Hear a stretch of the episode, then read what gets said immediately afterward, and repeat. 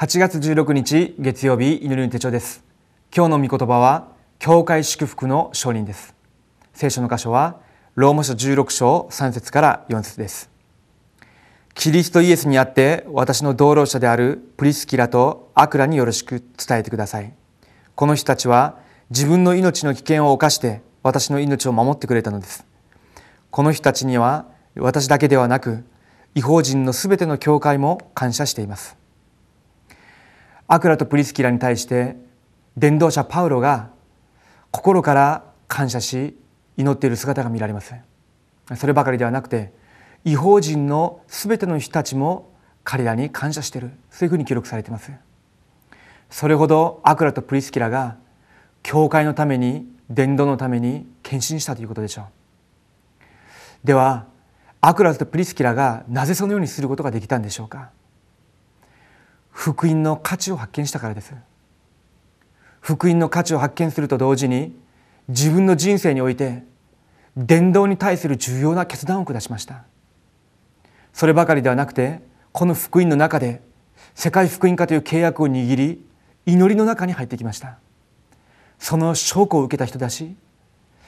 アクレスとプリスキラこの夫婦がこの時代に伝道者パウロを助けて全ての教会を助けるために自分たちは何をするべきなのかその利面契約を発見しました。日本の現場でも本当に福音の価値を発見して伝道運動に対する重要な決断を下して祈りの奥義その中から神様が私だけに与えようとしていらっしゃる答え利面契約を探し出すレムナント示しが起きるんであればそのような一人二人によって日本を生かすことができるようになると思います。今日私たちが祈りの手帳を通しながら教会祝福の商人として立つものとなるようにお祈りしていきたいと思います。では今日の序論です。私たちに向けられた神様の最も大きな計画は私たちに出会う人々を生かすことです。もう一つは私たちが教会で祝福の商人として立つことです。このように呼ばれた私たちはどのような決断をするべきでしょうか。神様は今もすべての時刻表を救いの働きに合わせておられます。最初から終わりまで私たちが正しい伝道運動を繰り広げることを願っておられます。神様が最も願っておられることが伝道であるならば、ここに私たちの生涯の決断をしなければなりません。ローマ書16章の弟子たち、アクラとプリスキラが持っていた決断がどのようなものだったんでしょうか。一つ目です。生涯の決断。神様は今でも魂の救いのための伝道の働きに全ての計画を持っておられます。今日私たちが下す伝道の決断が神様の計画と合わなければなりません。初代教会は命を懸けて伝道に対する決断を下しました。初代教会の信徒たちは生涯どのように伝道していくべきかを決断しました。この時神様は最高の答えを与えてくださいました。初代教会のために大きく用いられた代表的な弟子がプリスキラとアクラ夫婦でした。この人々が初代教会と伝道者を助け最後にはローマまで行って福音を伝えました。今生涯の決断を下すならばこの時から答えの門が開かれるはずです。日本の現場広大全世界の現場それを見て自分自身が何のために生きるべきなのか自分自身が世界福音化は世界福音化だけれども私にとって伝道運動が何なのか重要な決断を下す時に神様が答えの門を開かれるようになります。その時から重要な祈りの課題が出てくるようになるでしょう。では2つ目です。事実的な決断。私たちが生涯の決断を下す時そこには必ず事実的な決断が伴わなければなりません。まさに祈りの決断です。帝国の祈りを続けるならば私の感情と動機がなくなります。帝国祈りをするならば神様の正確な導きを受けるようになります。常時祈りを回復するならば現場で慌てることなく全ての答えを確認することができます。特に礼拝の祈りを回復するならば教会の講談の御言葉が生かされ握った御言葉が成就し始めます。神様は生きておられ人のすべての命をすべ収められて特に伝道者に注目しておられます。私が伝道に対する重要な決断を下す時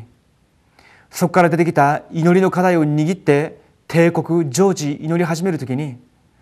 私も想像つかなかった答えの門出会いの門が開かれるようになります。そうしながら私たちのその祈りと同時に教会が生かされ教会祝福の商人として立つようになります私人間の力では到底することができないことであったとしても本当に伝道運動のために重要な決断を下して祈りの奥義を持っている者たちが祈り始めるんであれば神様の答えが現れ始めるということです。今日私たちがこの答えを受けるべきです。では3つ目です。利面契約。神様は確かに私一人一人に対する計画を持っておられます。またこの時代に向けた計画も持っておられます。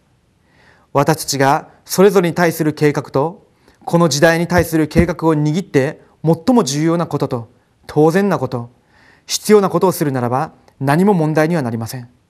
神様が最も望んでおられる私たちと時代に向けた計画がまさに伝道です。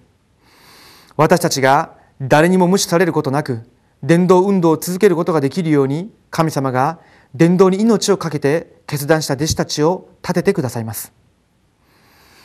私自身が世界福音化の中でも神様が私だけに与えようとしていらっしゃる答え。その利面契約を探し出して祈りに専念することさえすることができるんであればどういう現場であったとしても日本の現場であっても難しい現場であったとしても神様の答えが始まります。神様が働かれるんであれば誰も止めることができません。今日この答えが私と皆さんにあるように共にお祈りしたいと思います。では今日のフォーラムの主題です。今日伝道を考えながらどのような心と決断を持っていますか？伝道の決断を置いて黙想してみてください。お祈りします。生きておられる神様に感謝を下げます。福音の証人として教会祝福の証人として私たちを召しくださったことを感謝します。これから福音の目で教会現場人間関係全てを見ることができるようにしてくださりこれから伝道運動と自分の人生とどのような関係があるのか本当に福音の中で伝道運動に対する価値を発見し伝道運動の前で自分の人生の重要な決断を下しその中から主が与えられる祈りの課題を握って本当に祈りの深いところに入るように導いてください。帝国と祈りと常時の祈りができるぐらいに祈りの力を回復しその中から与えられる利面契約を握りローマ書16章に弟子たちが受けた答えアクラとプリスキラが受けたそのような答えが今日祈りの手帳を見ている一人一人の上に共にあるようにしてください。生き取られるイエス・キリストの皆でお祈りします。アーメン。